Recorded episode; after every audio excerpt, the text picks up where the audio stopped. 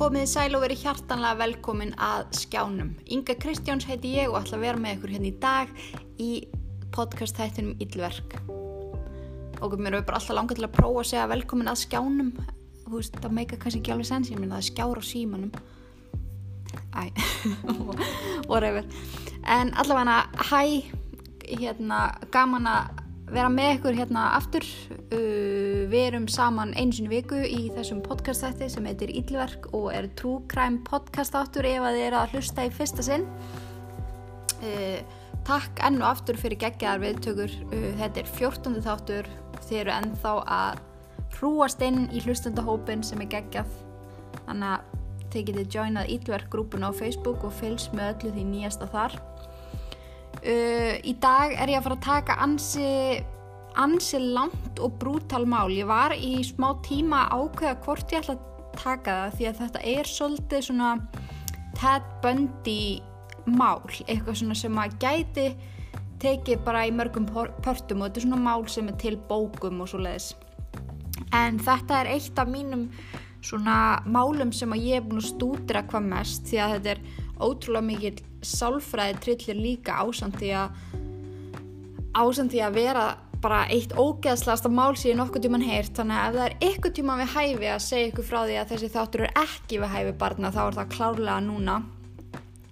Því að já, ég var að eitthvað við ég er að fara að tala um ansi hræðilega hluti. Kannibalism hérna, og fleira sem er ansi tæft þannig að þið viti að því. Þið verða að spyrja mamma og pappa ef þið eru 13 ára yngri hvort þið með hlusta en allavega þá ætla ég að segja ykkur frá Jeffrey Lionel Dahmer sem er einn allræmdasti raðmorðingi bandaríkina og þeir sem eru mikið að hlusta á trúkræm og svo leiðis vita pottit hverju þetta er. En hann er einmitt á svipu leveli og Ted Bundy. Ég myndi samt segja að Ted Bundy hafi verið vægari heldur en þessi. Uh, ég er að horfa á mynda á hann akkurat núna og aldrei myndi manni gruna að þessi maður uh, væri búin að gera allt sem hann gerði en þetta er bara ég veit ekki hvort að ég persónulega lesið um eitthvað verra heldur en, heldur en allt sem að þessi guður gerði. Það sem, er, það sem er líka ánægilegt núna fyrir þennan podcast átt er að það er til ótrúlega mikið af efni, það er til mikið af viðtölum þannig að ég get bara grafið mjög, mjög, mjög djúft með ykkur í þetta mál. Ég var að í eitthvað að hafa þetta í tveim pörtum, ákvæða að gera það ekki að ég veit hversu ógeðslega pyrrandið það er að vera að hlusta þátt og svo bara eitthvað já, í næsta þætti fjöru við yfir, þú veist bara forviti fólk veit hvað ég á við. Við viljum bara fá þetta allt í einu því hlusta á bara eins og, eins og þið viljið en þetta er svona þáttur lengri kantinum. En ég held að við ættum bara að drífa okkur í að fara yfir þetta mál. En hann er kallar Milwaukee Cannibal or the Milwaukee Monster I feel so bad for what I did to those poor families and I understand their rightful hate. I have seen their tears, and if I could give my life right now to bring their loved ones back, I would do it. I am so very sorry. Jeffrey Lionel Dahmer var fættur þann 21. mæ 1960 í Milwaukee, Wisconsin í Bandaríkanum. Hann var frumburður þeirra Joyce Annette og Lionel Herbert Dahmer. Mamma hans vann sem teletyper, uh, machine instructor. Ég þurfti að googla hvað það var, ég veið ekki henni það. Uh, ég kannast gett við orðið teletyper en þetta er svo að þetta var þannig í gamla daga þá náttúrulega varst ekki að senda SMS eða tölvuposta eða eitthvað þannig þannig að þú gæst farið upp á posthús og, og beðið þessa manneski að skrifa fyrir þig í rauninni bara eins og SMS og senda það á annar posthús þar sem að það var annar teletyper sem tók við þessu og þannig fór fólk á milli með, með skilabóð. Mjög flókið en allavega það vann hún sem svona yfirmæður í því og stjórnaði fullt af fólki og, og eitthvað þannig. Um, já, þannig að já, ég googlaði þetta, nú veitum við það, þetta er ekki til lengur en pappi hans var í fulli námi við Marquette háskólan og var hann í eðlis og efnafræði. Uh, frá fæðingu þá uppliði Jeffrey mjög mikið svona afskipta leysi fólkdra sinna. Mamma hans var eina af þeim mæðurum sem að fannst til dæmis brjóstakjöf, bara svona ógeðsleg. Og það eru til konur sem meika ekki gefa brjóst og finnst svo aðtöld bara undarleg og bara hálf ógeðsleg. Og, og það er ekkit af því, þetta er alveg algengt og það með allir hafa þetta náttúrulega bara eins og þeir vilja en það er vist mjög tengjandi stund þegar móðir gefur barninu sínu brjóst. Hef ég heyrt, ég tengi ekki I don't know, hef aldrei gefið brjóst. Mun kannski ykkur tíma að prófa það but I don't know. Um, pappans var, sérst já, í fullu námi og var mjög lítið heima og þegar hann var heima var hann bara að læra fyrir próf og verkefni og var alveg bara á fullu, hann var reyna að taka þetta á stittur í tíma og var alveg mega metnaðgjarn í, í þessu námi sem hann var í. Þannig að Jeffrey fekk svona bara svona að það var sint grunnþörfunum hans en frá fæðingu fekk hann ekkert ekstra, hann var ekkert knúsaður, hú veist, hann var bara þarna hann fekk að borða, hann fekk född og já, ekkert ekstra. Og mammans uppliði líka mikið þunglindi sko þegar hann var svona hálsás, hú veist, hún átti mjög erfitt frá því hann fættist en þegar hann var hálsás þá bara átti hann alveg virkilega erfitt með þetta og á þessum tímapunkti fór það að færast verulega í aukana hún fengi svona þunglindiskost og þyrti að liggja fyrir. Og það kom bara dagar þar sem hún bara náði ekki að fara upp úr rúminu og var fljótlega greint með fæingaþunglindi sem er bara eins og því öllu viti virkilega alveglegt og því miður nokkuð algengt líka. Um, Jeffrey fekk þá bara litla aðtegli og var mjög mikið einn, þú veist, hann var náttúrulega ekkit einn sem sex manna gammal bann, þú veist, það gerir náttúrulega ekki mikið en þú veist, það einu sem var gert var að gefa hann að borða huggan ef hann fór að gráta og svo lág hann bara þarna, þú veist, það var ekkit þetta happiness sem fylgir litlum börnum. Og þú veist, þegar hann fór að vaksa úr grasi þá var hann rosalega bara svona afskipta laus um, og uh, hún er mér samt líst sem ótrúlega orkumiklu og glöðu barni. Og þegar hann fór að vaksa á grasi þá og hérna var komin tími til hann færi þú veist í skóla og hann var að fara í fyrsta bekk. Uh, þá fór heimilið hérna, heimilislífið að versna svolítið aftur því að veist, hann kom heim úr skólanum það var enginn sem hjálpa honum pappans var úslega reyðu við mömmans fyrir, fyrir að hjálpa hún mikið þannig að veist, þeirra hjónaband var líka bara í, í mólum og pappans fór bara beint frá því að klára bachelor gráðu í eðlis og efnafræði í masterinn. Og þegar hann tók ákvörðunum þetta þá skánaði ekki hjónabandið Uh, skiljanlega var Joyce mjög nýti á Lionel, hún þarnaðist að fá aðtegli frá honum, þú veist, þau voru búin að vera gift ótrúlega lengi og þú veist, þetta er bara einhver, þú veist, köti að reyna að bjarga málunum með mag magasinn og Jeffrey litli sati bara á hakanum og þurfti að upplifa stansleisur yfirildi og grátur frá móðu sinni um bara að fá aðtegli, þú veist, en hún hafði ekkert verið að sína honum neina aðtegli þannig að það voru allir bara ótrúlega aðteglisúkir á þessu heimili og enginn gaf hvort öðru aðtegli en þetta er svo sorglegt en á meðan það ráfaði hann bara um einn og átti enga vini þar sem hann hefði rauninni aldrei upplegað almenni mannleg samskipti og, og kunni það í rauninni bara ekkert. En hún var þó alltaf líst sem ótrúlega duglegum og kátum og svona kurtisum dreng sem var svona hverstmanns hugljúfi það elskuðu allir kennarann kennarann, þau fannst það all ótrúlega krútlegur og hann var, já, alltaf ótrúlega almenlegur og hann fór ótrúlega létt með öll fög í skólanum. Uppbólsfæði hans e, var, voru íþróttir og sund. Hann elskaði að fá að hlaupa með öðrum krökkum stökka í hástökki og synda eins rætt og hann gat. Þar til einn daginn. Hann fór að finna ótrúlega mikið til í náranum Fyrst fekk hann stingi þar sem hann þurfti að setjast niður en þegar það fór að líða á var hann farin að upplefa mjög mikinn sársöka þannig að hann gæti ekki gengið. Og hann, þá farið með hann til læknis og kom í ljós að hann var með alvarlegt kviðslit. Og hann þurfti að fara í aðgerð sem gerði það að verkum að hann mátti ekki stunda íþróttur í langan tíma og ekki fyrir sund það var eins og eitthvað inn í Jeffrey hefði brotnað þegar hún var neitað um hreyfingu og hann þurfti að setja kjur af því hann var svo fullur á orgu þú veist, hann þurfti bara að gjör svo að setja sniður lesa bækur og teikna og eitthvað á meðan henni voru úti að leika og þetta hafði bara ótrúlega mikil áhrif á hann og skapið í honum sem að hjálpaði ekki ástandinu heima fyrir. Ofan á allt hjónabóndsdrama hjá fóruldrum hans bættist við lítill krakki með fullta orku sem vissi ekki hvernig hann átt að haga sér. Svo þau skömmuði hann mikið, senda hann inn í herbyggi og rifust svo um hvað hann væri orðin óþekkur og kendu hvort öðru um það. Þannig að, hú veist, guðminn almatur, þetta hljómar hræðilega. En til að forðast að hlusta á fóruldri sína fór Jeffrey ótrúlega mikið bara einn út að lappa og leita sér að eitthvað að gera. Þau byggu aðeins fyrir út utan bæinn þannig að húsið þeirra var meðlega reysastóru gardi og skói í kring.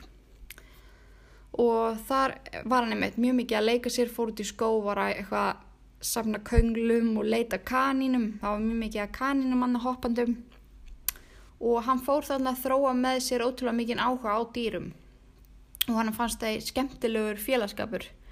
Og þau skömmiðist ekki í honum og voru sæt og mjúk eins og hann segi sjálfur. En Jeffrey sapnaði með tímanum fullt af hrossaflugum, bíflugum og pöttum í krukkur sem hann þekkti alla með nafni. Hann fangaði kaninur og bjóti bæli handæðum og var farin að eigða öllum sínum stundum með dýrónu sínum. En einn daginn á gangi sínum um skóin þá kom Jeffrey auga á eitthvað skrítið út í vegakanti og þegar hann gekkaði var þetta slasaður refur sem var svona bara nær dauða en lífi. Og það er sérst verið kert á hann og Jeffrey tók reyfin bara svona heiklust í fangið. Hann var ekki eins og eitthvað hrættu við hann tók hann bara í fangið, fór með hann heim og ætlaði að reyna að lækna hann. Reyfurum var með mjög stórt sár á kviðnum sem að nánast tók hann í tvent og stuttu setna dó reyfurinn og Jeffrey vissi ekki alveg hvað hann átt að gera við hann. Veist, slasa dýr og Hann elskaði dýra og þetta vakti forveitna hans og hann ákvaði að sækja sér nýf og bókina um líka var mannsins og skar Jeffrey litli refinu upp og skoðaði inniblinn í honum. Já, einmitt. Hann skoðaði matur í maganmánum, heilan, augun og hjartað og eftir þessu uppgötum var einhvern veginn ekki aftur snúið hjá honum og áhugið Jeffrey var allur á þessari undarlegu uppfinningu sem hann hafi gert. Hann lagði það í vansinn frá þessu að ganga meðfram veginum og aðtóa hvort hann kæmi auða á fleiri roadkills sem hann gerði oft og mörgusinum. Hann fóð með dýrin heim og skar þau öll í sundur og skoðaði vel og vandlega. Hann sapnaði svo öllum beinum í boks, leik sér að því að blanda beinum saman úr alls konar dýrum og búið til skrimsli eins og hann orðaði þetta sjálfur og með tímanum fór dýra áhugin að breytast, hann fór að drepa dýrin sjálfur. Í eitt skipti skar hann höfuð af hundi og neldi svo líkið við tré. Svo það var greinlega mikil brenglun þarna í gangi og ef maður skoðar sögum morðingja þá byrjaðir margir svona að misnóta dýr. Þú veist, maður fer úr því að vorkenunum með öllu hjarta yfir að vera bara what the hell en sko, ok, það er kannski, ég veit ekki, er eðlilegt að krakkar séu að skoða rótkill, þú veist, eða kannski mjög forvitnilegt, þú veist, að ég veit ekki, þetta er allavega, þú veist, mín tilfinning var svo og fyrst var ég mynd bara að ég Jeffrey litli, ég er vorkirinn og svo er ég bara, uh, what a freak. Það fer ótrúlega eftir hvaða umfjöldun þú skoðar upp á upplýsingar um samband Jeffrey við fjölskyldunum sína. Pappi hans tala til dæmis mjög opinskátt um svonsinn í viðtölum og eitthvað eftir hann var handtekinn þegar hann var hann eldri. Á meðan það heyrist ekkert frá mömmans og maður veit alltaf hvernig hún lítur út. Nefn, og maður getur bara að sé eitthvað skriflegar upplýsingu frá henni. En pappi hann segir frá því í viðtali að það að fá Jeffrey í heiminn hafi verið dásanlegt og nýtt fyrir þeim hjónum og þau hafi reynd að gera allt fyrir hann og alveg upp á heimili fullu ást og honum grunni að áhuga hans á dýrum hafi komið þegar þeir feðgar fóru sérst saman að sapna beinum á smádýrum sem voru undir palli hérna húsin sem það hefur byggðið. Það var verið að fara að smíða nýjan pall, hann var rifin og það voru þú veist mís og fugglar sem hefðu drepist þarna og þeir sérst tóku saman beinin og hendu í svona játkar og hann hafi fylgst ótrúlega vel með þegar að pappans voru að henda beinunum honi og vilja fá að prófa sjálfur og sagt að hljóðið væri fallegt og eitthvað svoleiðis og ég ætla að leiða ykkur að heyra bara að pappan segja frá þessari tiltæknu upplifun sem að hann heldur að hafi verið svolítið byrjunin á þessu öllu saman. Þegar hún er allan að gruna það. I brought them out, put them in a metal pail just to collect them all in one place, and they dropped in with sort of a clanking noise. And Jeff seemed kind of interested in that noise, and he took a hold and let them drop down in too. You know, in retrospect, everything looks grim and dark and sinister. You know, like, could that be the start of something evil? Well, I have to admit, it's simply just uh, the curiosity of a child. Dómer fjölskyldan flutti til Doylestown í Ohio í oktober 1966. Þá var Joyce ófrísk af öðru batni þeirra Lionel og þann 18. desember 1966 kom síðan annar strákur í heiminn. Þeim langaði svo ótrúlega að bæta fjölskylduna sína og fara alvarlega að vinna í sínu málum og leifa Jeffrey að taka meira þátt svo þau leifðu honum að ákveða hvaða litli bróður hans myndi heita og hann skýrði hann David og hann elskaði litla bróður svona ótrúlega mikið og það virtist eitthvað neginn allt er að ganga upp hjá fjölskyldinu núna. Í byrju 1967 kláraði Lionel skólagöngu sína og fekk vinnu við eðlis og efnafræði. Kemur hendur ekki fram hvað hann fór að vinna við en þetta var eitthvað svona eitthvað þannig tengt. Lionel var mjög ánæður þegar eitt kvöldið við mataborðið þá spyr Jeffrey hann hvað myndi gerast ef maður setti bein í síru eða klór ok, mjög random spurning hjá sjöra barni bara svona en þarna var pappi hans farin að vita af því já, hann var farin að vita af því að hann væri að koma heim með roadkills og hafði gaman að því að safna beinum og hjælt bara, hú veist, hann hjælt bara svona hans hefði svona brennandi áhuga á einmitt, eðlisfræði, efnafræði bara eins og hann sjálfur því að hann mann sjálfur eftir að hafa verið svona áhuga samur um dýr þótt hann hafi kannski ekki alveg verið að skera þau upp en hún fannst mjög áhugavert að skoða þau og hann held kannski bara að Jeffrey vildi feta í hans fótbor og hann hefði bara ert þetta áhugamál frá pappa sinum og viku síðar þá fekk þess að Jeffrey að koma með pappa sinum í vinnuna þar sem að hann sínd honum hvernig ætti að setja bein í efni til þess að hreinsa þau og hvernig ætti síðan að eigða þeim. I don't know, ég veit ekki akkur hann ætti að sína barninu sínu þetta en þetta er allt mjög skrítið. En þetta er sérst einhver vögvið þar sem er sett úr bein af dýrum ofan í og þannig hreinsast allt kjöt af beinanum I don't know, ég er að reyna að útskýra þetta. Ég skilir þetta ekkert betur en þið. Um, en þarna einmitt bara fekk Jeffrey miklu meira áhuga. Hún fannst þetta mjög mjög áhugavert og fór að fullt í að skoða skólabækur sem að pappans átti. Uh, hann var ansi mikill introvert og fór nánast allir hans tími í þetta áhugamál. Og hann átti mjög erfitt með að umgangast aðra krakka. Hann var alveg verulega feimin og freka kannski svona skrítin í samskiptum við annað fólk og krakka. Um, en þegar Jeffrey óksu grasi og hjælt áfram að vera þessi undalegi en samt orkuríki og skemmtilegi strákur þá einhvern veginn ég veit ekki, fólk fór að líta á hann sem svona skrítna, skemmtilega strákinn sem var svona bekka trúðunum, fattur um mig. Þannig að, ég veit ekki, var, var, það var enginn sem að tala íllum hann eða var leiðilegu við hann eða eitthvað þannig en fólk svona vissi ekki alveg hvernig það ætta, þú veist, umgákast hann, fattu þið. En þegar hann fór síðan í mentaskóla þá var hann fljótlaði mitt eins og ég segi þekktur sem bekka trúðurinn, hann var að finna upp á alls konar skrítnum uppátækjum sem skildi bekkjafélaga hans eftir orðlösa eins og til dæmis þá fóruðu eitthvað tíman í, í svona vettvangsferð bekkurinn hérna að kvítahúsinu eða eitthvað svo leiðis og hann segir herðu, ég ætla að lega ykkur að hitta að, aðstofafórsetan ég þekkja hann. Og allir voru bara já, ummitt og hann fyrir að ringja ykkur símtöl og segist vera að gera verkefni í skólanu sínum og, og hann næri einhvern veginn að koma þeim inn og hitta aðstofafórsetan og veist, fullt af ykkur svona. Og allir voru bara what en á þessum tíma þá fór hann að fykta líka mikið við áfengi og þegar hann var búin að vera eina önn í mentaskóla var hann farin að koma með konjak og viski í brúsa í skólan blanda við alls konar eitthvað djúsa og safa og bekkjasistur hans hafði mitt orðaði að hún hafi spurt hann einn daginn bara Jeffrey, hva, hvað er þetta?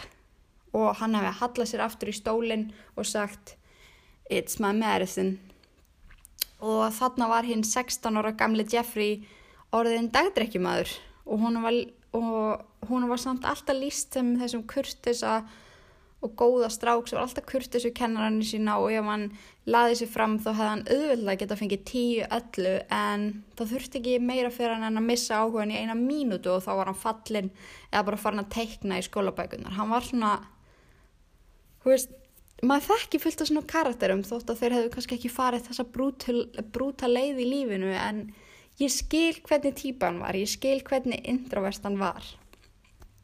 En þar sem Jeffrey var komin á sín unglísár var mjög eðlegt að hann væri, væri farin að upplifa það að vera skotin í öðru manneskum og fara að líta sjálfa sinn sem kynveru og fá almennt öðruvísi áhuga á fólki eins og gengur að gerist og Jeffrey fann það fljótt að hann var ekki með áhuga á stelpum. Hann hafði áhuga á strákum og horfið bara á þá og dreymdi um að eignast kærasta sem er bara mjög eðlilegt. Hann þorði ekki að segja fólkdur sínum frá þessu þar sem að samkynnið var ekki neitt til að hrópa húra fyrir á þessum árum. Og ef þið spáði í því þá er það að samkynnið sé í lægi astnalega nýtt fyrirbæri. Spáði því. En þarna var þetta svona, já, ertu ekki bara eitthvað veikur. En eins og úlingstrákar gera og stelpur þá skoðaði Jeffrey klám. Og já, ég ætla að taka það frá núna, ég er að fara að tala mjög, mjög, mjög mikið um kynlíf og klám og eitthvað svo leiðis, en það er bara mjög stór partur af þessari sögu. Og þegar hann var úrlingur þá var náttúrulega ekki til jafn mikið úrval og í dag, þú veist, núna getur maður bara að fara á netið og googla allt sem maður vill og sé allt sem maður vill, hann að hann þurfti, þú veist, að lega spólur, kaupa blöð og það leiði ekki löngu þanga til að þessi blöð voru ekki lengur nóg fyrir hann. Hann þurfti meira. Hann, hann þyrsti ykkur meiri upplýsingar um kynlíf og um kynkvöld. Og á þessum tíma fór hann að þróa í huganum fantasíu sem að hann er að reyna að lýsa í einu viðtælinu sem að ég horfið á. En þessi fantasíu gerði hann ótrúlega spenntan og Hann sem dreymdi um það að liggja við hliðina á manni, meðvitundalauðsum manni, faðma hann að sér og finna líflausan líkama hans í fanginu á sér. Já, og þetta bara gerði hann ótrúlega spenntan og þetta var eitthvað sem hann, bara, hann þráði að upplifa, sem er ótrúlega skrítið. Hún langaði bara að faðma mannisku sem var líflaus, samt ekki dáin, I don't know. En já, þessi hugsun kveikti í honum meira en nokkuð annað og eftir að hafa látið sér dreyma um þetta meðan hann stundaði sjálfsfróun fekk hann eina hugmynd sem hann taldi vera mjög góða. En það var strákur sem að bjóði götunan sem honum fannst mjög aðlæðandi. Þessi strákur skokkaði sérst öll kvöld, alltaf sömu leiðina og leiðin sem hann fór var svolítið afskækt af því að eins og ég sagði ykkur aðan þá bjó, bjóð Jeffrey aðeins svona út fyrir bæinn, hann þetta var svona kannski svolítið sveitafyllingur og þessi strákur hefur þá þurft að skokka svona sveita veg og það var ekki mikið bílum sem voru að fara þarna fram hjá kvöldun og sluðis þannig að Jeffrey ákvaða að fela sig inn í runna með kilvu og þegar hann myndi skokka fram hjá eins og hann gerði alltaf öll kvöld þá myndi hann lemja hann með kilvu í hausin og reyna rótan og hann fengi loksins að upplifa sin stærsta kynferðslega draum. En eftir að Jeffrey var búin að býða í klukkutíma snýra hann aftur heim. Hann frétti svo að því að strákurinn hafi farið út úr bænum með fólkdur sinum og hann hafi ekkit skokkað þetta kvöld. En þarna spyr maður sig, hvað hefði skeið ef hann hefði farið að skokka þetta kvöld? Hefði Jeffrey bara rótan, kurt hjá líflausum líkamanns og farið svo, og farið svo bara eða hefði hann gengið lengra, þú veist? Maður veit það ekki. Þetta var alltaf hann að byrjunin á einhverju mjög afbreyðlegu um, húst, hann bara varð mjög svektur yfir því að planið hans hafi floppað og þetta gerði hann bara meira kynferðislega perraðan hann reyndi þetta tiltekna plan aldrei aftur en segi setna í viðtölum að þetta hafi verið hans fyrsta hugsun um að ráðast á aðra mannesku En eftir þetta þá gekk Jeffrey bara lengra í að halda titlinum Class Clown og fekk kannski svolítið útrás þannig.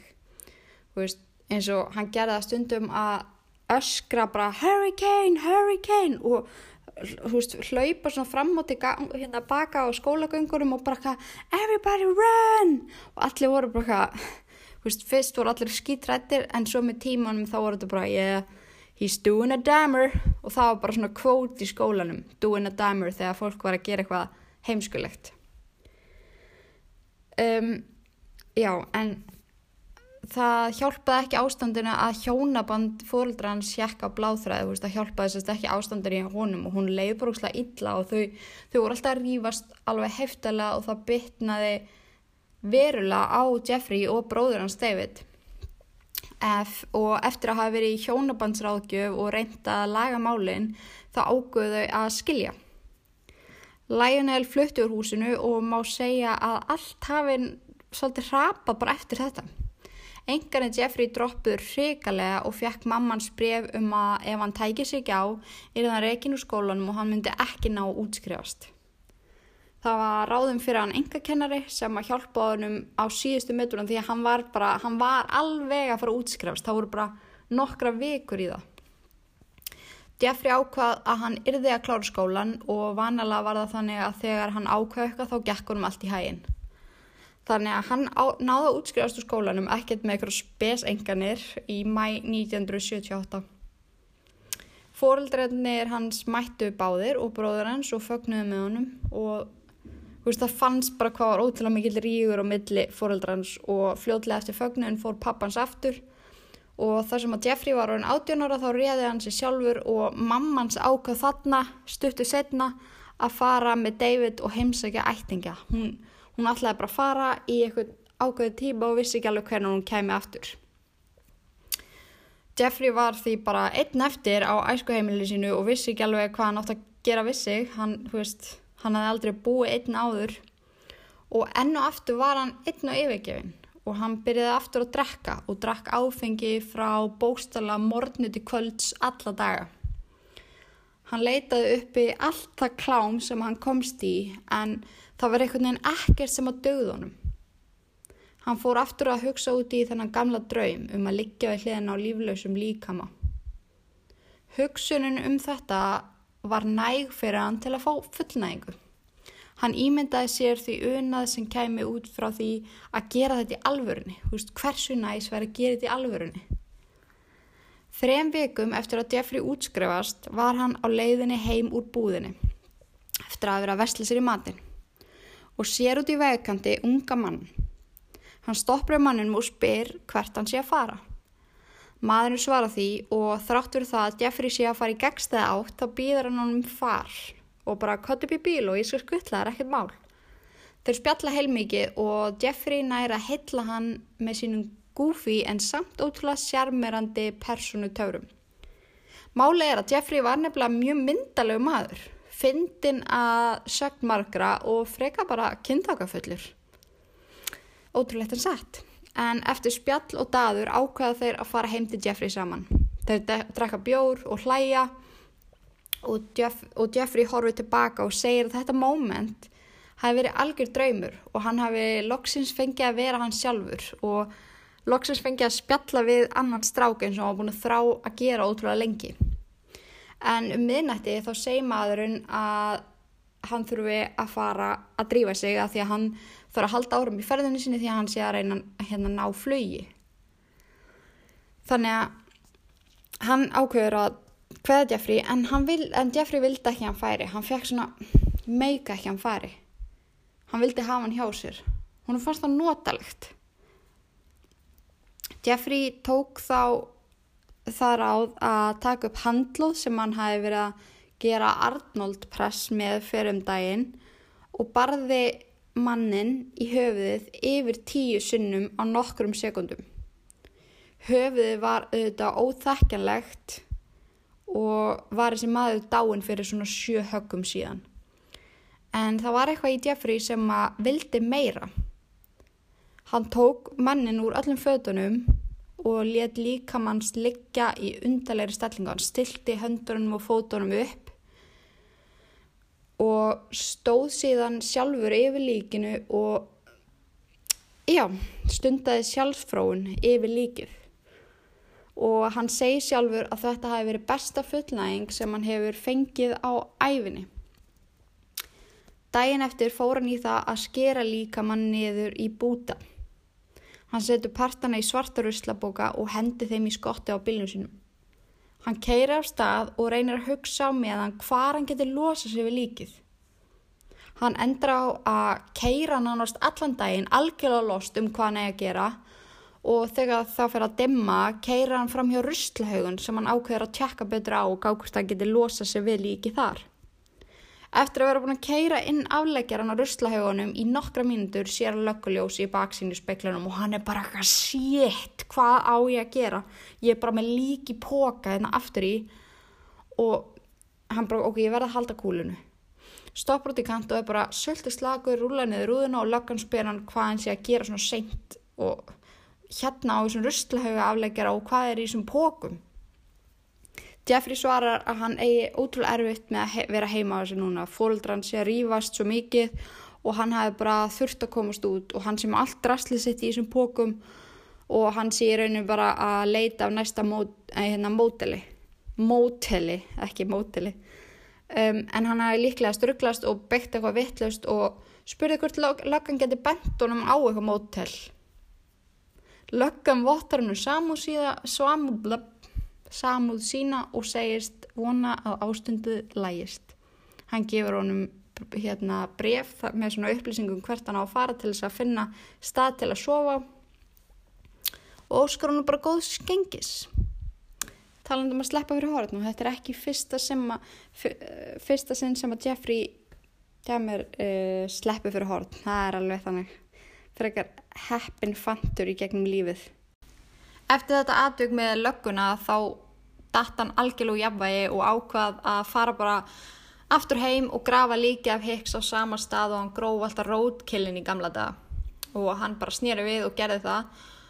En eftir þetta þá var hann alveg að deyja á samvinskuputi og þóttu þetta hafi verið einn stór fenglegasta upplifun sem hann hefur upplifað þá leiðunum samt hræðilega á samt því að vera sjúkla bara stressaður og tens og hann var einhvern veginn alltaf að býða eftir að löggan myndi koma á handtakan.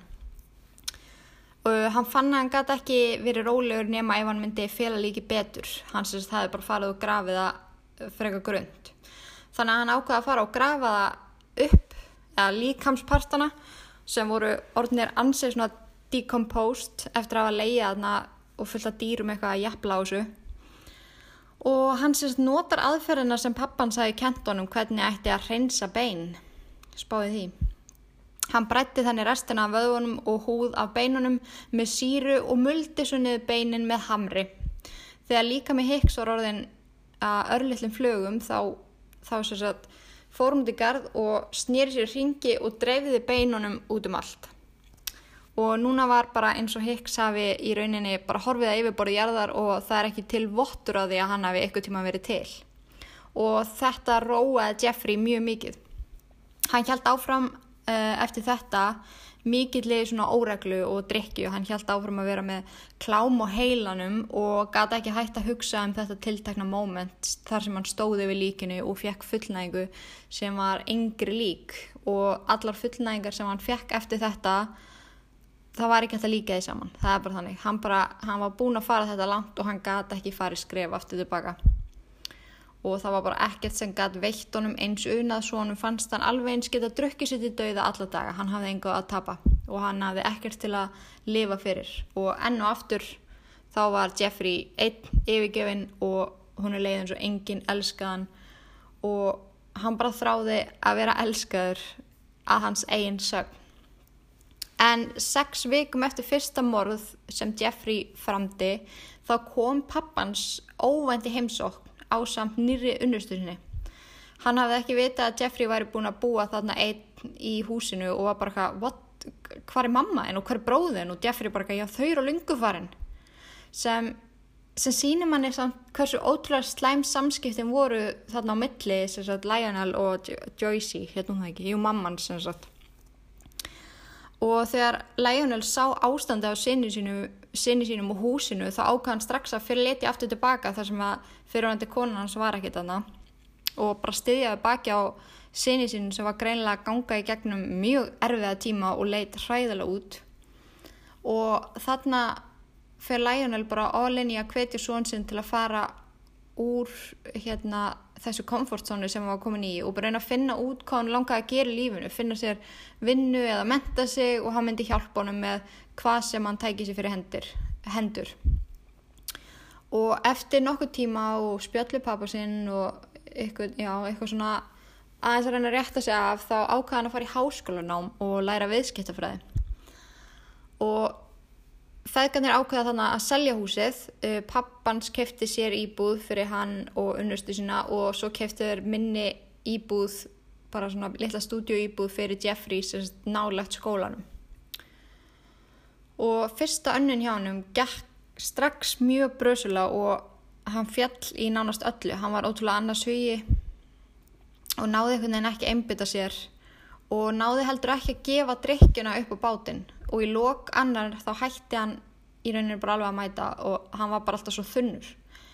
Pappi hans var frekar ósáttur þar sem hann hafi borgað þetta allt fyrir hann og trúað á hann og fyrst hann ætlaði að standa sér svona er það hann bara að finna út úr þessu sjálfur. En Jeffrey bara grátböði pappi sem bara nennur plís að gefa mér annað tækifæri, veist, mér er bara búið líða úrslega illa, ég skal gera allt til að bæta ástandið og ég mun ekki bregðast þér.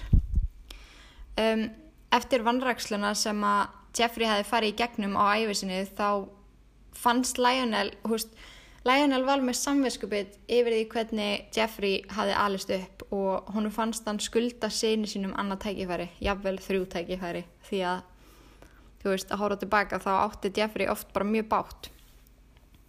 Jeffrey komst aftur inn í skólan og ætlaði að taka bara sömu önna aftur En eftir nokkrar vikur þá gafst hann bara upp og skráði þessu úr skólanum og þar sem hann var að nálgast tvítugt þá þurfti ekki að láta forraða mann vita. Svo pappi hans komst ekki að þessu bara ekki nærði strax og Jeffrey held bara áfram að drekka alla nóttina og sofa svo allan daginn.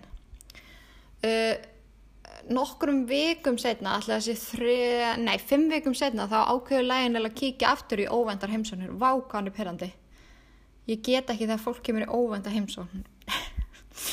Allavega hann ákveður að kíkja hann til hans og bara, hú veist, peppa hann og segja hvernig stoltur á hann um að hafa reyfið sér svona í gang. Það var ansi mikið slapp in the face þegar hann kom inn í íbúðuna og það tekur bara mótunum ógæslega mikið bræla og tómar bjórflöskur út um allt og sonur hans búin að ælu út um allt og liggur í rúminum og ælu yfir sér og bara allt mega ógæslegt að henni og Lionel trompast og gera hann grein fyrir því að hinga bara, hingað og ekki fokkin lengra, þú veist, ég er ekki að fara að borga undir einhvern alka og auðmingja og þeir komast á þeirri niðurstöðu að Jeffrey verði að fara eitthvað í burtu og finna sig einhvern veginn annars þar og reyna að standa á einn fótum og hann skráði í herin fljóðlega eftir skráninga á flígur hann til Þískaland þar sem að hans starfstöð mun verða og að sögn yfirmanna þá stóð hann sér bara ágætlega öllu sem að hann tók sér fyrir hendur og hann átti hérna já þú veist og hann var, var mjög fljóðlega svona yfirmaður og þeir gáttu stóla á hann en það leiði ekki löngu þanga til að drikki vandamálið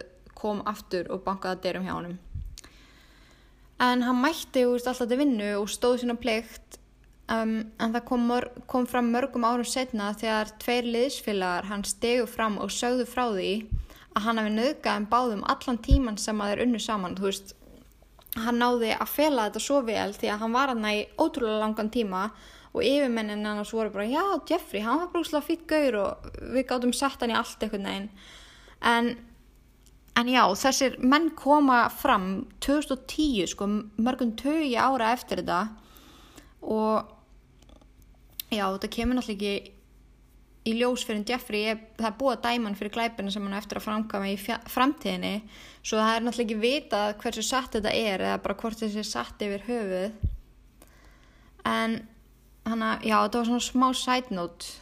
Ykkur, það er svo fyndið þótt að ég sé búin að lesa ótrúlega mikið um hennar mann og ég veit að hann er ógæðslegur þá þá, að ég veit ekki, ég fæ eitthvað næðin svona tilfinningu svona alltaf bara nei, hann myndi ekki gera þetta. Að því að þú veist, þegar maður hlustur á viðtölu við hann og svo leiðist, þá er hann eitthvað svo vennjulegur, fattiði mig. Það er alveg ótrúlega hvað fólk getur verið allt öðru í sig en maður heldur á þessu en dúlú, já á sex mánuða fresti fá hermenn sérst svona flugmiða til að fljúa hvert sem er í heiminum hvort sem að þeir vilja fara í sitt eigið bara frí eða fara til fjölskyldunum sinnar og Jeffrey ákvaða að nota miðan sinn í að fara til Miami. Good choice. Og hann ákvaða bara ok, ég ætla að fara til Miami og ég ætla ekki að koma tilbaka. Ég ætla, ég bara komið ógeða þessu ógeða kuldan minn í Þýskalandi og mér langar bara að standa á eigin fótum. Ég ætla bara að sína sjálfstæði og búa einn á Miami. Og hann fór og sótti um vinnu í kjötbúð og fjekk vinnuna. Hann tók á leiðu herbyggi rétt til ströndinni og, og hérna hann var bara loving this life. Það var bara ströndin eftir vinnu ströndin fyrir vinnu bara sæta stelp nei stelpur hann alltaf ekki. Hann var ekki fyrir stelpur fyrir gefið mig. Sætist drákar og Miami er mjög næs það er alveg þannig. Um en svo bara endaði þannig eins og oft áður að öll hans laun fóru í leigu og áfengi þar sem hann fjekk já, hann þurfti eiginlega ekki að eigða neinum pening í mat þar sem hann fjekk mat í búðinu og bara eins mikið kjöt og hann vildi. En mátti, hann mátti eiga það að sólinn fór ekki ítla í hann og hann hefur aldrei litið jafn vel út, þú veist myndirnar á hann þarna, hann var bara svona gorgeous. Greinlega einmitt, mjög gott fyrir hann að fá smá D-vitamin um, og eftir að hafa verið þarna í nokkra mánuði var hann rekin út úr herbygginu því að hann bara hætti að borga eins og hann gerði oft. Hann stóð því á guttunum í engan stað til að vera á svo hann eitti öllum sínum kvöldum og nóttum á ströndinni en hjælt samt áfram að vinna í kjötbúðinni. Þángu til hann gafst upp ringdi í pappa sinn og baði hann um pening. Pappa hann sagði að það kæmi ekki til greina að hann fengi meiri pening og og eina sem var í bóði fyrir hann er að pappans myndi kaupa flugmiða fyrir hann heim og hann kæmi heim og þeir myndu hjálpast að að reyna að koma lífin hans í stand eftir hann kom svo aftur til Ohio þar sem að pappans bjó þá flutt hann bara aftur inn til pappasins og stjúpmöður og þau reyndu að halda hann sífælt á tánum alls konar verkefnum og meðan hann leitaði sér að vinnu og þrátt fyrir allt hjælt Jeffrey áfram að drekka. Veist, hann gaf það ekki upp á bátinn. Og tveim vikum eftir hann kom aftur tilbaka frá Miami þá var hann tekinn fyrir það að drekka undir stýri og hann fekk mjög háa sekt og þurfti að setja inn í tíu dag í fangilsi því að pappans neita að beila hann út sem ég finnst mjög gott hjá hann og næstu vikur þá reyndi pappans allt sem hann gaf til að hjálpa sinni sinum við að losna við þessa ótrúlega sterku áfengisfík sem hann hafi þróað með sig bara frá því að hann var hús 13 ára eða eitthvað. Eða allavega hann er nánast búin að gefast upp á hann þá stakk hann upp á því að hann myndi flytja til ömmu sinnar sem bjó í West Alice. Og hún var í rauninni svona eini fjölskyldumælumurinn sem að hann þekkti eitthvað ennþá. Og hún var rúslega trúið og þau töldu það bara svona gott fyrir hann að breytum umhverfi og vonandi nýta sér það að vera svona mikið innan um manneski sem er svona trúið og bara ótrúlega fljótt hann náði Jeffrey bara ótrúlega miklum bata og fólk var bara í sjokki hann kjælt áfram að drekka en minkaða niður bara í helgadrykju sem er alveg reysastórt skref í rétta átt. Og hann mætti með henni kirkju alla fymtudag og alla sunnudag hjálpaði henni með öll heimilistörf alveg óum beðin og fylgdi öllum hennar heimilisreglum. Þannig að allir voru bara heimillefandi yfir hvað hann væri búin að ná miklum framförum. Og það var ekki anna, hægt að segja annað en Jeffrey væri virkilega bara myndalegur og leit vel út á þessum tíma og var bara óksla flottu stráku sem ætti framtíðina fyrir sér að allir heldu, það vissu engin að hann væri búin að myrða mannesku en hann fekk loksins vinnu í blóðbanka sem var í svona bíl sem kerðum bæinn eins og þegar við öll séð og hann var þar í móttökunni. Og hann náði að vinna þar í tíu mánu án þess að nokkuð kæmi upp á. En eftir tíu mánu þá kom hans innri maður í ljós og þann 7. ágúst 1982 var Jeffrey handtekinn fyrir það að sína kinnfæri sín á, í almenningskarði þar sem 25 konur voru í svona mömmuhóp með börni sín í, í jóka eða eitthvað svo leiðis og hann bara sínir kinnfærin uh, stundi og gaf frá sér eitthvað svona hljóð og snerti sig á mjög óviðandi hátt fyrir framar og þær voru náttúrulega bara what the fuck um, en hann fekk mjög háa sagt fyrir þetta en þetta er alveg virkilega ólöglegt og, en hann þurfti ekki að setja í fangelsi nema í cirka 5 daga. Hann misti því miður vinnuna í blóðbankanum eftir að hafa gert þetta og út frá þess, þessu var Jeffrey atvinnulegs næstu tvö árin og lifði hann einungis á vas, vasapinning sem hann fekk frá ömmu sinni fyrir að slá garðinn og fleiri heimilisverk. Í janúar 1985 fekk Jeffrey loksins vinnu aftur en hann var ráðin til starfa í súkulæði verksmiðu. Vá, dream job. En þar vann hann uh, 6. vikunar frá klukkan 11 á kvöldin til 7 á mótnana. Hann náði því að halda sjálfu sér nokkuð uppteknum og á réttir braut því að hann var bara, svo, var bara að gera svo vel að bara fara að sofa og, og halda rútinu svo hann myndi ná að mæta og á lögutum þegar hann var í fríi þá fór hann á pepparöld og skoðaði lífið á ok, sorry, ég skrifa homaklúbunum þá er ég að tala um svona eins og kiki þetta er svona klúbur fyrir samkenniða en menn, e, má maður segja homaklúbur allavega því leiðir þetta mig ef ég má það ekki en ég segi bara klúb from now on, ok. En um leið og hann gekk inn á barina var mönnum starfsýnt á hann. Hann var hár, grannur, ljósarður með blá augu og þetta krútlega andlit einhvern veginn og aðteglinn sem hann fekk vakti upp hjá hann gamla tilfinningar, tilfinningar sem hann hafði ekki fundið síðan hann myrti hikkar Hann fór að stunda það að fara allalega þetta á þessa klúpa, stunda skindikinni við fjöldan allan af mönnum og myndaði alveg fullt af sambundum, veist, hann, menninni þekkt hann alveg. En þetta var ekki nóg fyrir hann, hann vildi meira. Og hann fór að mæta líka í spa sem var fyrir samkynniða menn, þar sem að hann laumaði svepptöflum í drikkina hjá mönnunum sem að hann var að spjalla við svo hann geti haldið utanum þá á meðan þeir voru meðvitundarlausir munniði hvað ég sagði eitthvað frá hann. Það var sérst draumurinn hans að halda utanum meðvitundarlausan líkam og það var svona fyrsti draumurinn sem að hann fjekk um þetta allt einn skríti og það hljómar en hann nýtti tíman vel á meðan þeir lágu hjálpana í fangina hann og ný til dæmis heitapottum og stundaði hann sjálf frá hann eins og eins oft og hann gatt þanga til að þeir rönguðu við sér. Ég veit að þetta er ótrúlega skrítið en þetta er bara svona er sagan. En Jeffrey stað líka gínu úr herrafattaverslun sem hann notaði fyrir kynferðislegan unað. Og hún er leið bara nokkuð vel með þetta allt saman eins og, eins og hann var bara eitthvað að ná að sinna sínu kynferðislegum þörfum þá var engin eitthvað að skipta sér að því og hún fannst það bara freka flottur á því að þessum tímabili. Uh, þangu til að koma upp í spæðinu að hann setti vittlust liv í glasi á manni sem hann ætlaði að faðma meðveitundurlausan og maðurinn fór að fróðufella og þurfti Jeffrey að kalla eftir aðstóð og það fekk fólk til að gapa mjög mjög mikið þegar Jeffrey stóðu upp og var með massa bónir yfir þessu öllu saman hann var vinsilast beðin um að fara og var honum bannað að koma þanga nokkuð tíman aftur nokkrum dögum eftir að þetta atvik komu upp þá fann amman skínuna og baðan vinsalast um að losa sér við hana. Þannig þessi frábæra braut sem hann var komin á var hrunin enn og aftur og hann held áfram að vinna í súkulæðaversmiðinni og reyndi að beina þessum hugsunum frá sér. Spáði því að hann segi sjálfu frá því sko í viðtali að á þessum tíma þá fannst honum allt verið að ganga upp. Hann gæti bara verið að byrla fólki eitur og, og nota gínur og snerta sig hér og þar og það var enginn að skipta sér að því og þá fannst hún bara mega næs. Það þarf að vera bokkin klikkaður.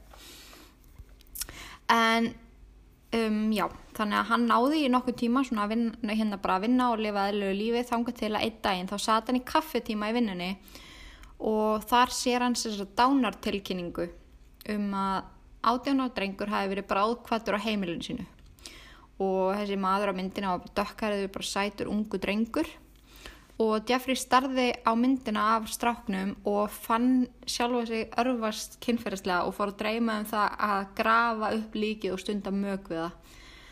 Hann gæti ekki hægt að hugsa um þetta svo hann ákvað eftir einavaktina í vinnunni að reyna að grafa upp kistuna sem hann vissi hvað þessi strákur var jarðaður.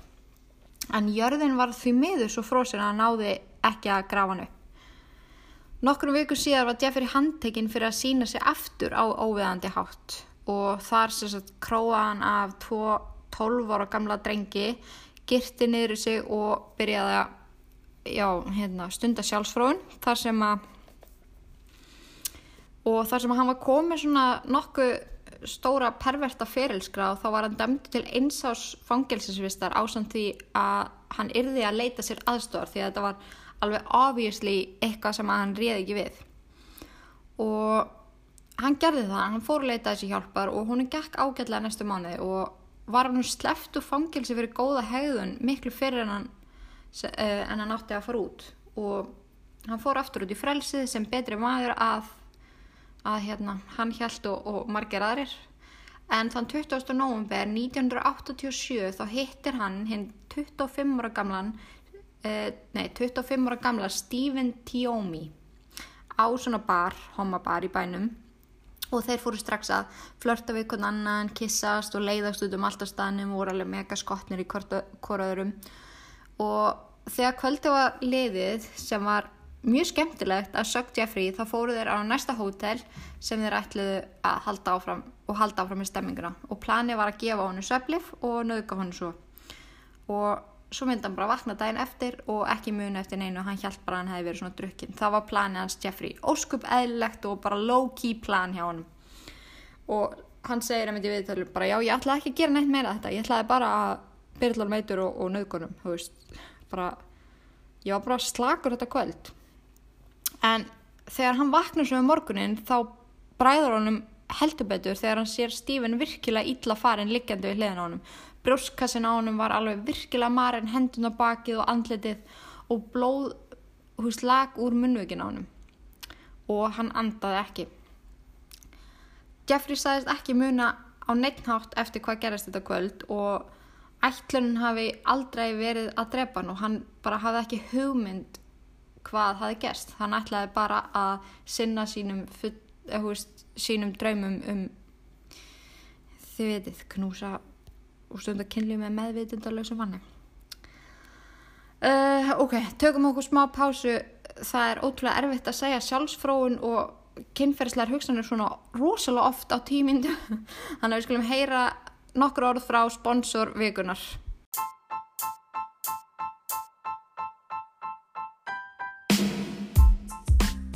Sponsor þáttarins þessa veikuna er leanbody.is Æ, hann ennir engin að hlusta auðlýsingar. Skeltuðu bara á leanbody.is, notaðu kóðan Inga Kristjáns og gerðu geggjukaup sem tryggja þér hámars árangur. Leanbody, þín markmið, þín grein. Velkomin tilbaka, eru þið tilbúin að halda hún að tala um sjálfsfráin og perra? Yey!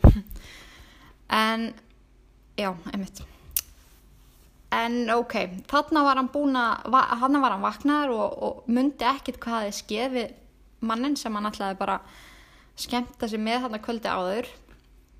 En það þýtti ekki hugsa um það. Hann þurftu að losa sig við líkið. Hann fór að kefti stærstu ferðartösku sem hann gætt bara fundið og kom Stífin fyrir ofan í henni. Hann ringdi á leigubíl og fór heim til ömmu sinnar með töskuna Hann hófst sér hann handastutt eftir að hann kom heim við að skera útlimi og höfuð af Stífin, heima í ömmu sinni. Hann skar sér hann kjötið af beinunum og pakkaði póka og gemdin í ískap. Restina fór hann svo með og hendi ruslið fyrir utan heimilið. Hann gemdi samt höfuðið og notaði það til kynferðislega aðtapna. Þegar það var orðið of ógirnilegt eða decomposed og illa farið setti hann það í bleiti, í síru eins og pappan sagði kentunum og til að hreinsa beinin og húðin náttúrulega bara sviðinar af og hann gæti bara hent henni. Svo hreinsaði hann allt sem var eftir á höfukúpunni átti hann í nokkra vikur og notaði hann líka til kynferðislega aðtafna þegar hauskúpan svo brotnaði að þegar hann var búin að notast svo mikið við hann þá fór hann bara á hendinni í rusli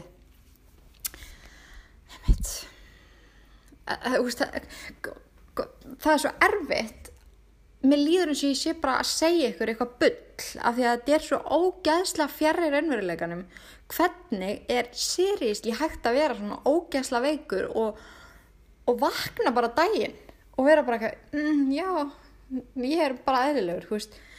mér finnst ég alveg eins og ég sé að segja ykkur bara lega svo ég sé bara að skálda af því að þú veist, ég trú ekki að fólk geti gert svona en þetta er satt Jeffrey Dahmer var til og allt sem ég er að segja ykkur er eitthvað sem hann sagði bara sjálfur í viðtölum.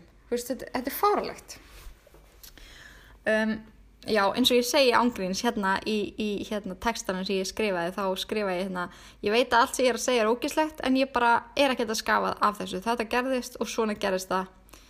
Og já, en svo vil ég líka taka það fram að því að okkur finnst nú öllum gaman að spá náttúrulega í andlegu hliðinni líka. Og í staðin fyrir að horfa á hversu viðbjörnslegt þetta er allt saman þá er mjög áhugavert að horfa frekar á minnstrið í hegðunans hann, hann kemur ekki fram við fólk eins og það sé fólk. Hann er ekki í neinum alveg sambundu við neitt, hann segir að sjálfur í viðtölum að hann hefur aldrei liti á fólk sem einstaklinga eins og hann heldur bara hluti, veist, líka mig fyrir honum er bara eins og kynlífsleikvang fyrir okkur. Bara dauður hlutur sem við hendum svo bara í skúfu þegar við erum búin að nota sem er, sem er alveg mjög merkilegt að íhuga og það er alveg bara emitt, eins og ég segi, bara rosalega rosalega undarlegt að vera svona illa sinnferðislega hérna, siðferðislega fallar þetta er bara þetta er ótrúlegt. En eins og ég segi mjög áhugavert og áhugavert að spái líka andlegu hliðinni. En í staðin fyrir það að líta á þetta með Steve sem svona close call þá fór Jeffrey vísvitandi að leita upp í fórnalömb eftir þetta til að gera bara akkurat þessa rútinu byrlaðum, naukaðum og drepa síðan Hann fór að notast við þá taktík að nálgast, segjum að vændismenn. Ég var mjög oft iffi með það sem ég var að skrifa. Hommabarir, vændismenn. Þá er ég að vændiskona, vændismadur. Oh my god, þið eru ekki að hlæja mig núna. Hvað er indislega orðheppin? Allavega svona prostitute, prostitute man. Ekki, æ. Þið leiðir þetta mér bara... Um, já, en hann sérst nálgæðist hann í einstaklinga og var að bjóða þeim peninga fyrir að setja fyrir á nektamyndum og þið heyrðu þetta ekki frá mér en þessa myndir eru til á netinu og það eru fastar í heilanum mínum að því ég er svo ógeðsla forvitan að ég þarf alltaf að kíkja á allt. Þetta eru mjög ógeðsla myndir en uh, já du, du, du. en í fyrsta sinn sem að hann gerði þetta þá var hann fyrir utan bar í bænum þar sem að hann lokkaði hinn 14 ára gafla James Duxeter með sér heim í þeim tilgangi að taka af honum svona polaroid nektamindir. Og eftir á að tekja myndina voru þeir báðir til í hvern annan. Já, veist, þeir allir greinlega stund að kynli og þeir gerðu það í marga klukkutíma en það dugði Jeffrey ekki. Hann setti svepplif út í vatn sem hann ferði James og þegar hann fór að líða út af þá nöðgaði hann honum og kyrti hann svo. Hann hafði líki í íbúinu sinni í viku heima hjá ömmu sinni notabenni og notaði það til kynferðislega aðtapna þegar honum dætt í hug. Og en hann ákveði síðan að losa sig við það líklega bara því að það komið ógæsli líktaði og hann gerði það bara svipaðan hátt og hann hefði gert því stíf, setjaði í sírubað og, og allt það eins og pappa hans hefði kent honum sem er skrítið út af fyrir sig en svona held hann áfram, hann tók með þessi menn heim, nauðgæði þeim, draf þá og losaði sig við þá eins og bara ekkert væri eðlilegra. 23. april 1988 þá kom hann heim unga mann sem hann ætlaði að bjóða í bara kaffi og spjall og þeir fóru heim þeim, veist, að þeim fórsöndum. Hann færði honum kaffibotla sem hann var búin að setja vænandas af sveflifim í. Það leiði ekki löngu þar til þeir heyrðu báðir Is that you Jeff? Amma hans hafði þá hirt í honum koma heim og fannst eins og hann væri ekki einn á ferðinni. Jeffrey ákvaði í þetta skipti að drepa þennan ekki, það væri bara ofur riski.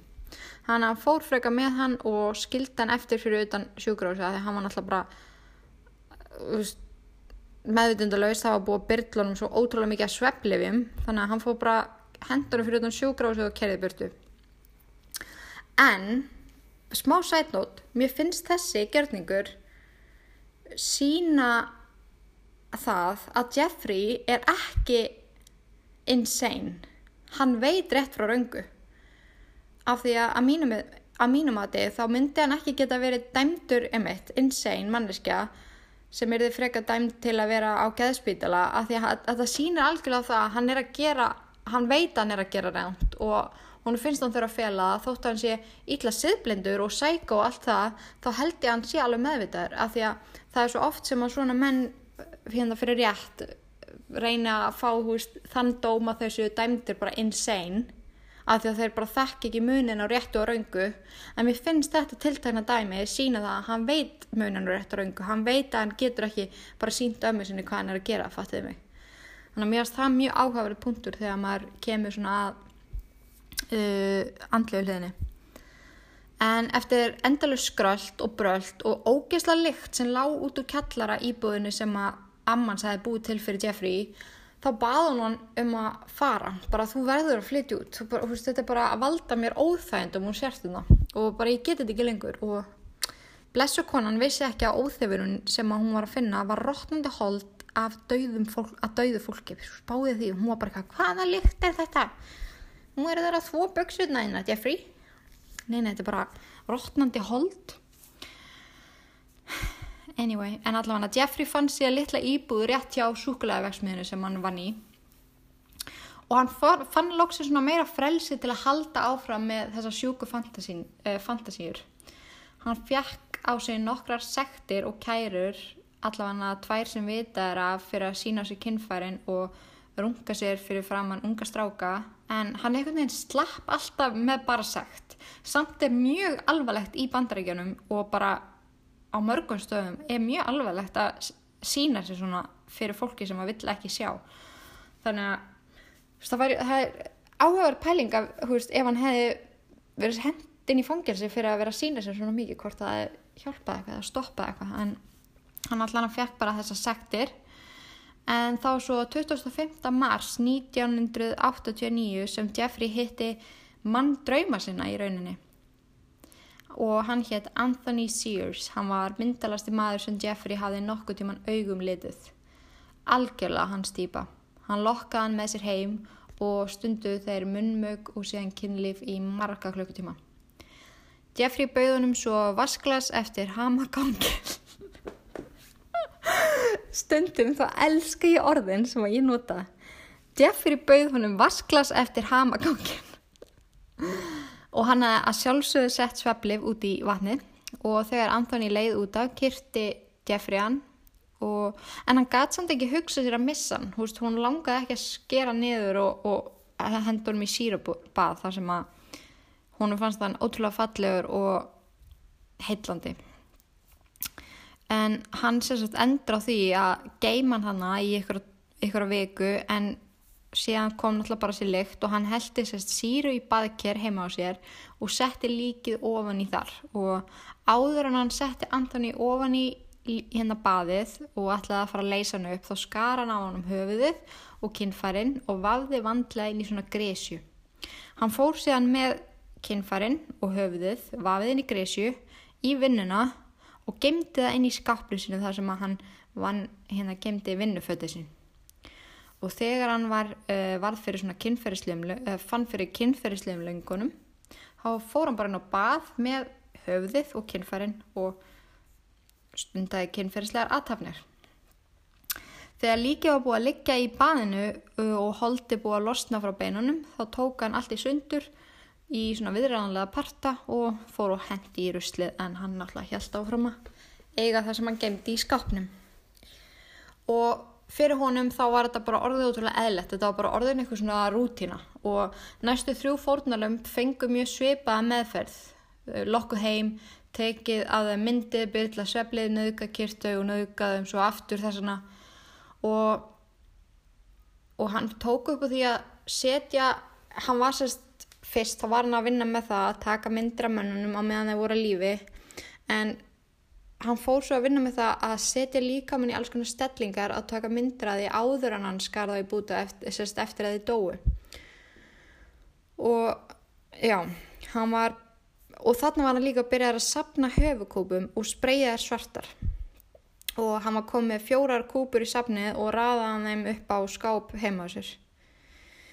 Uh, næsta já, tíunda fórnalam Jeffrey var Ernest Miller en þeir hittust þann 24. september 1990 og þetta var sama rútina nema hann bætti við því skrefi að matræða parta af líkamannars hann, hann skari bytta og gemdi ískapnum og með tímanum eittið Jeffrey engum peningi mat heldur átan bara fórnalambi sín og kjöt sem hún fannst byttastæð af líkamannum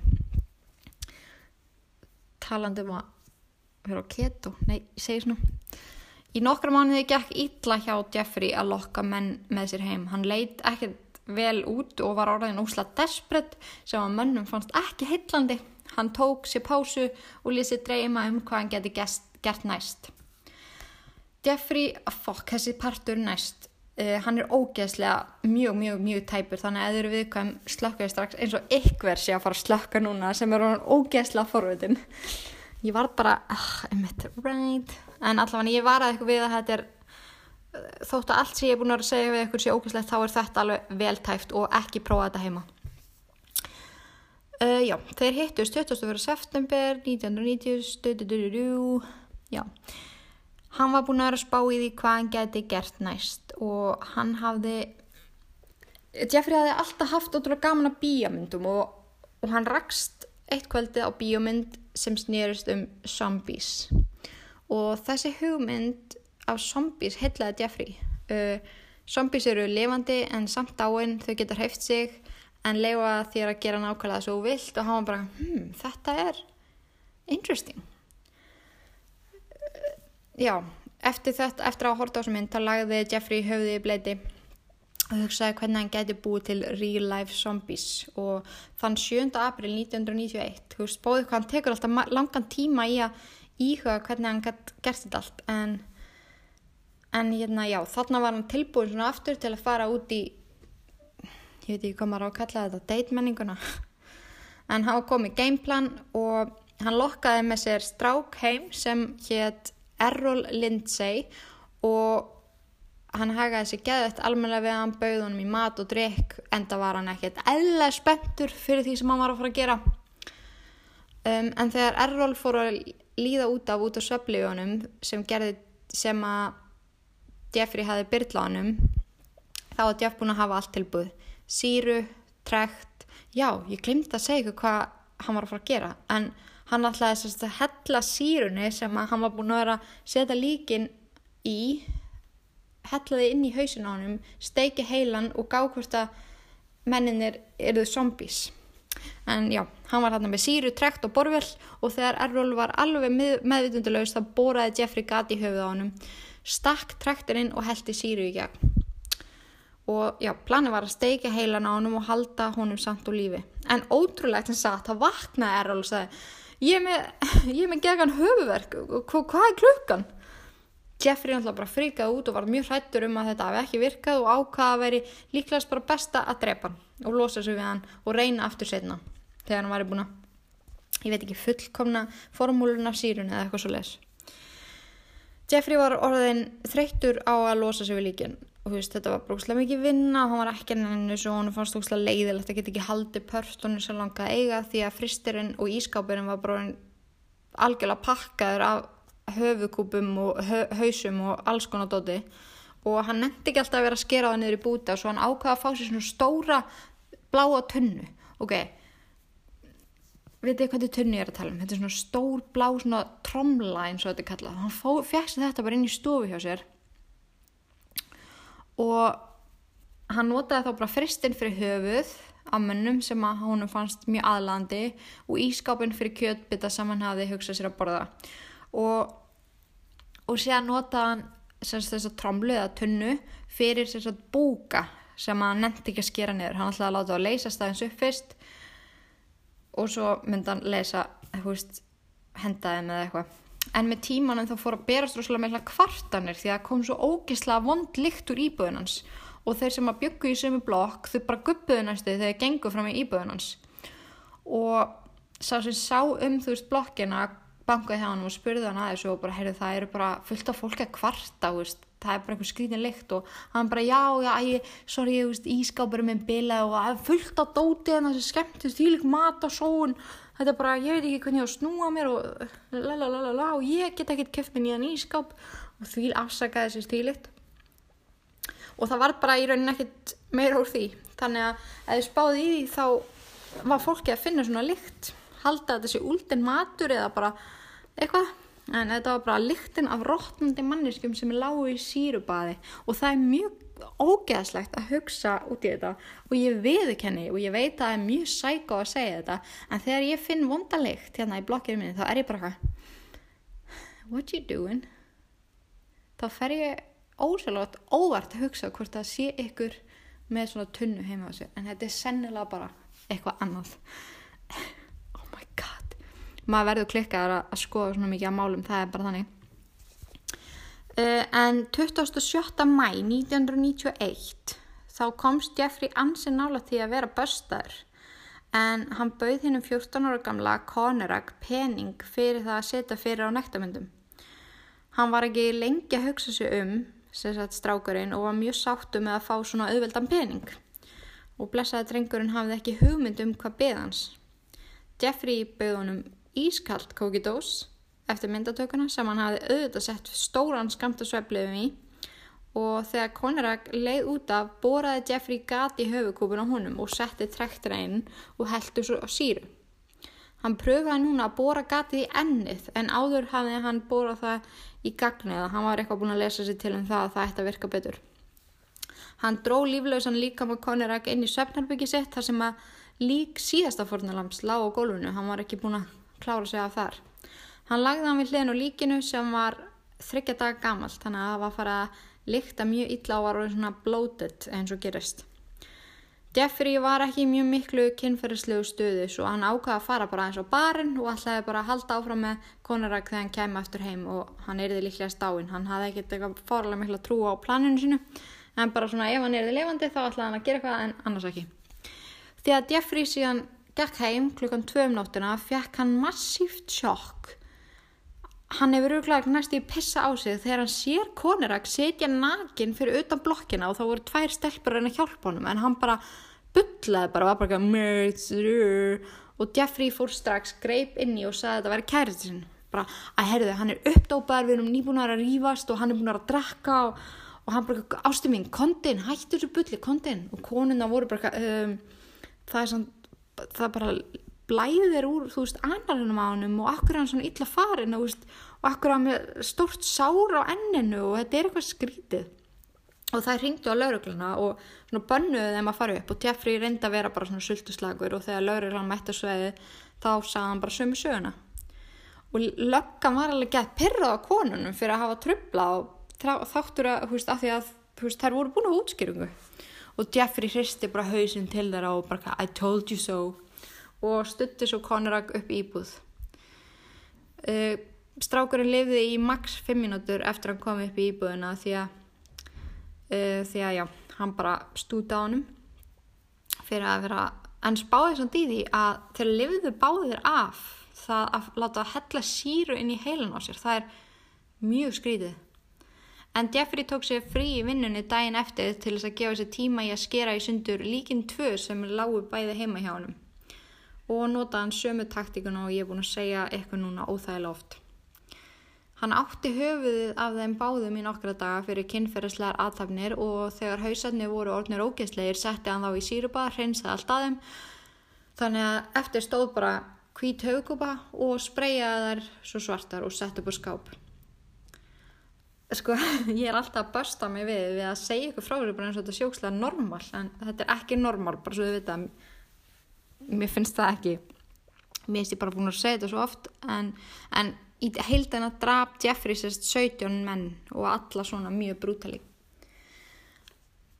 en ef við tölum núna aðeins um glæpin sem að leti til handtöku Jeffrey þá gerðist það þann 22. júli 1991 og í það skipti þá gekk hann upp á þreim mönnum og bauð þeim 100 dollara fyrir að setja fyrir á nektamyndum fyrir hann Hann væri í ljósmyndri og væri að sapna í svona portfóljó. Þeir gengur svo, uh, þeir getur svo til að heima á honum, fengið sér bjór og spjalla. Tveira fjölugunum voru ekki til það en þriðji var hérna, mega peppar, hann var 32 ára, hér Tracy Edwards og fannst þetta bara hljóma mjög spennandi og honum fannst Jeffrey mjög sætur. Og honum er líst sem alveg mega outgoing típu sem var alltaf til að kynast nýju fólki og um leið og Tracy gekk inn í íbúðuna þá fann hann geða skrikna lykt og fjakk strax rosalega undalett væp. Við skulum heyra betur hvað kemur fyrir hann eftir örstuðlíi og nokkur orð frá sponsorveikunar sem er mestarfyrirtæki.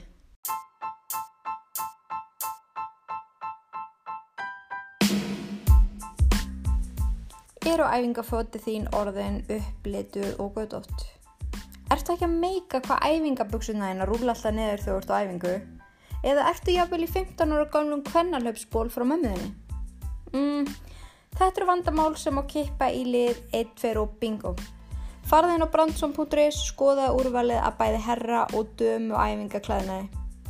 Hlustendur Íllverk fá 15% afslátt á öllu inn á brandsson.is. Noti kóðan Íllverk við checkout og fái 15% afslátt.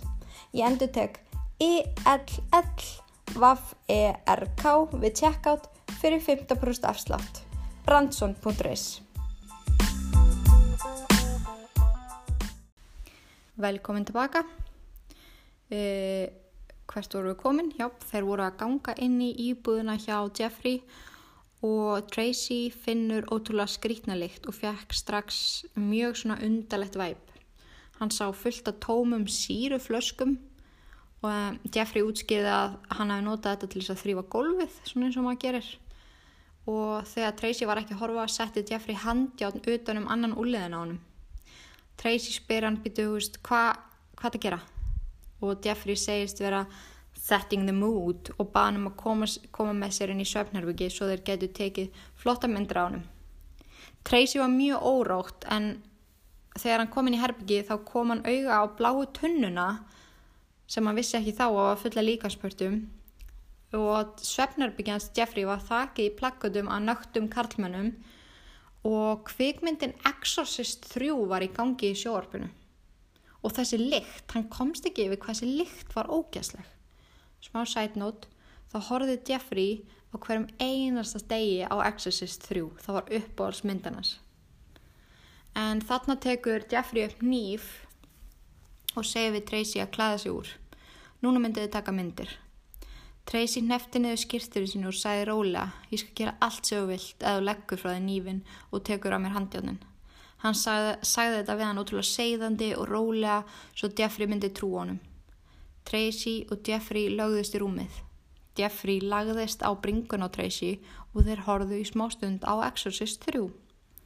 Síðan segi Jeffrey, ég elska að hlusta á hjartað þitt, en bráðum ég að borða það og ég get ekki beðið. Tracy reyndi að halda rósinu og svaraði, mm, já, það mun öruglega bræðast mjög vel. Og þú veist að ég vildi Jeffrey, ég er ekki að fara að flýja og heldur það sko. Tracy spurði hann hvort hann mætti fara á áklóstið og hvort þeir ættu svo að setjast fram og fá sér bjór. Jeffrey sagði já og þeir gengu báði fram. Tracy fyrir á klóstið og kom svo brósandi fram og settist við hliðin á Jeffrey og var mjög flörtið við hann.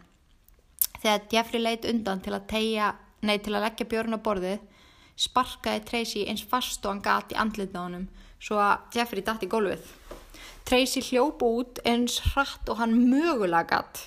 Hann hljóp beint í fasi á tveim laurugluþjónum sem var að ganga hana fyrir hotnið og, og segði þeim frá öllu því það var alveg bara á overlót og bara það er eitthvað fucking frík hérna sem var að reyna að drepa mig og borði mig hjartað og du, du, du, og Tracy samþekki þarna að fara með þeim aftur að íbúðinni og sína þeim bara hvaða maður þetta var og hvaða íbúð þetta var. Og hann er bara eitthvað ok, lauruglan fer með hann þangað og spyr Jeffrey hvað er í gangi. Og það séu arð, ansi harðar ásakunir í gangi að Jeffrey hafi reynd að drepa hann mann. Mér finnst þetta bæði ógeðslega svona unprofessional, eru það ekki sammála? Eitthvað bara að fara með hann aftur upp í íbúðina. En Jeffrey skellir þannig upp úr og segir já já, ég setti handján, handjánin á hann en stundum gerir maður bara svo leiðist til að spæsa upp hlutin að fattiði mig. Hann var alveg viljugur hérna rétt á hann. Lauruglumenninni líta kvotna annan og Tracy er sem í orðlaus bara what, nei? Jeffrey grýpur fram í fyrir honum og segir að leikillin sé í skuffunni í náttbúrun hans Annar lauruglumannana gengur á söfnherbygginu og er nánast komin inn þegar Jeffrey stipnar upp og kaldur sviti sprettu fram. Allar fokking pólaröldmyndunar voru líka í skúfunum með leiklunum. Hann reyndi að smegja sér fram úr lauruglunni og vera á undan að segja leiklana en löggan setur hönduna fyrir hann og segir back off. Eftir þessa uppgötum vindur allt upp á sig. Lauruglumarinn skoða myndunar sem eru á mönnum bæði lifandi og dánum. Hann kallar strax í backup og segir að það sé eitthvað mjög, mjög, mjög skrítið að gerast í íbú 213. Í íbúðinu finnast tvær heilar beinagrindur, tvær hendur, tvö hjörtu, vöðvi úr handlegg, heill búkur, póki stútfullur af líffærum, tveir limir sem var búið að vefja inn í gresju, höfulegur með hárunu ennþá föstu á og í tunninni voru þrýr búkar, fætur, lappir, fleiri hendur og húð. Jeffrey var náttúrulega bara strax settur í handjátt og handtekinn og sagan í bakvið handtökuna, bakvið handtökuna er alls ekki það löng því að hann bara játaði strax allt sem hann hefði gert. Og ég ætla bara að leifa hérna húnum sjálfum að útskýra fyrir ykkur hans hlið á þessu máli og taki eftir hvað hann er ótrúlega slakur þegar hann er að segja frá þessu öllu. Og segja frá þessu í mjög miklum dítelum. En hérna er Jeffrey Dahmer að útskýra fyrir. Það sá sem er að taka yfirsæðisla á honum hvað hann hafi gert í allan ennan tíma It's a process, it doesn't happen overnight uh, when you uh, depersonalize another person and view them as just an object, uh, an object for pleasure instead of a, a living, breathing human being, uh, it, it seems to make it easier to uh, do things you shouldn't do. I always knew that, that it was wrong, but uh, uh, after the the first the first uh, killing was not planned. I was uh, coming back from the shopping mall back in '78. I had had uh, fantasies about picking up a, a hitchhiker and uh, taking him back to the house and having complete control and dominance over him. Started when I moved to Milwaukee in '81. Uh, I started reading pornography, going to the bookstores. Um, eventually, that led to uh, frequenting the gay bars, and then I. One time, I brought this uh, young man back to the hotel room, the Ambassador Hotel. Uh, was just planning on drugging him and uh, spending the night with him. Had no intention of hurting him. When I woke up in the morning, he uh, had a broken rib here. I was heavily bruised. Apparently, I had uh, beaten him to death with my fists. And you have no memory I have no memory of it. But that's what started the whole spree all over again. It was my way of remembering uh, their appearance, their physical beauty. Uh, I also wanted to keep some. If I couldn't keep them there with me whole, I, at least I felt that I could keep uh, their skeletons.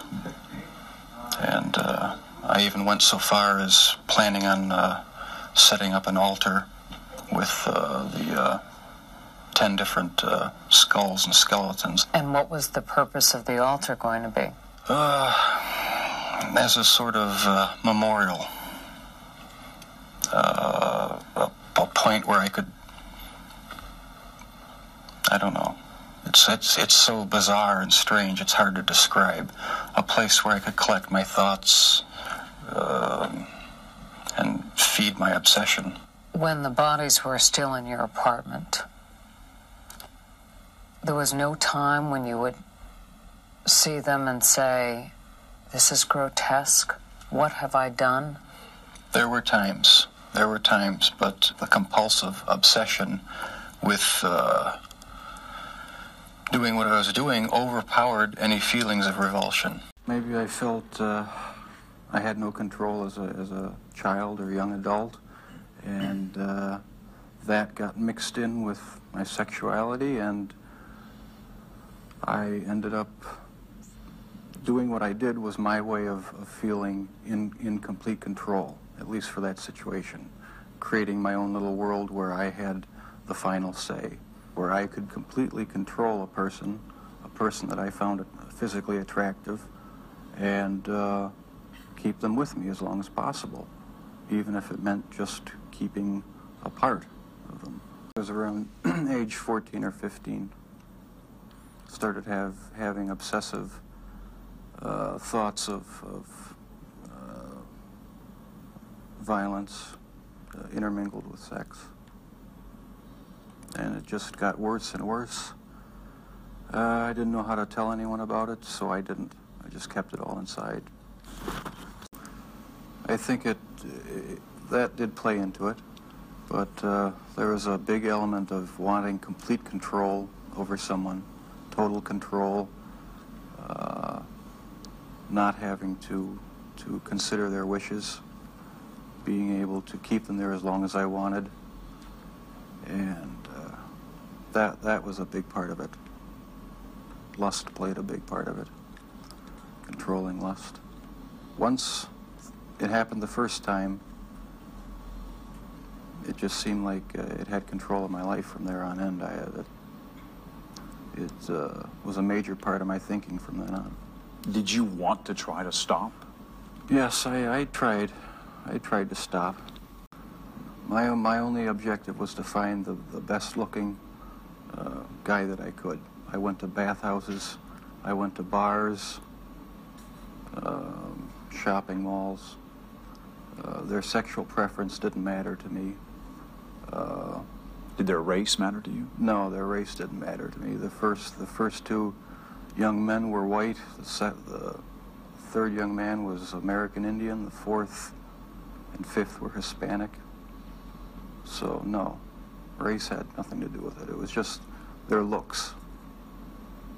Was it the killing that excited you, or is it what happened after the killing? No, the, the killing was just a means to an end.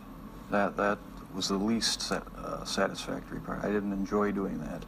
That's why I tried to uh, create uh, living zombies with uh, uric acid in the in the drill. wasn't the objective. I just wanted to have the person under my complete control uh, to do with as I wanted. It's not easy to say that, but that's that's what the motive was. Was there something sexual in the dismemberment of the bodies for you? As time went on, uh, yes, I, I did get a. There was a sexual part part to that. Uh, I started saving the, the skeletons and preserving other parts, and uh, one thing led to another. It took it took more and more uh, deviant type behaviors to satisfy uh, my urges, and so it just uh, spiraled out of control. Why the cannibalism? That was that was another step. Uh, it, it it made me feel like they were uh, a permanent part of me.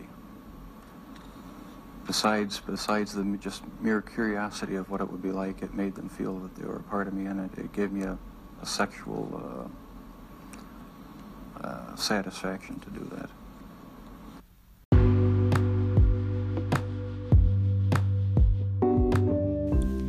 Jeffrey var síðan dæmdur bara í fangelsi að eilífu. Það var ekki dauðadómur þarna í þessu fylki og á þessum tíma en annars, þú veist, ef að annars hefði hann örgulega verið dæmdur til dauða en hann fekk einhverja sko hundra lífstíðadóma, þú veist, þannig að hann var aldrei að fara að sleppa úr fangelsi og hann var ekki dæmdur, þú veist, insane alveg eins og með grunaði þegar ég fór að researcha þetta mál því að hann var ekki insane, hann var bara psycho.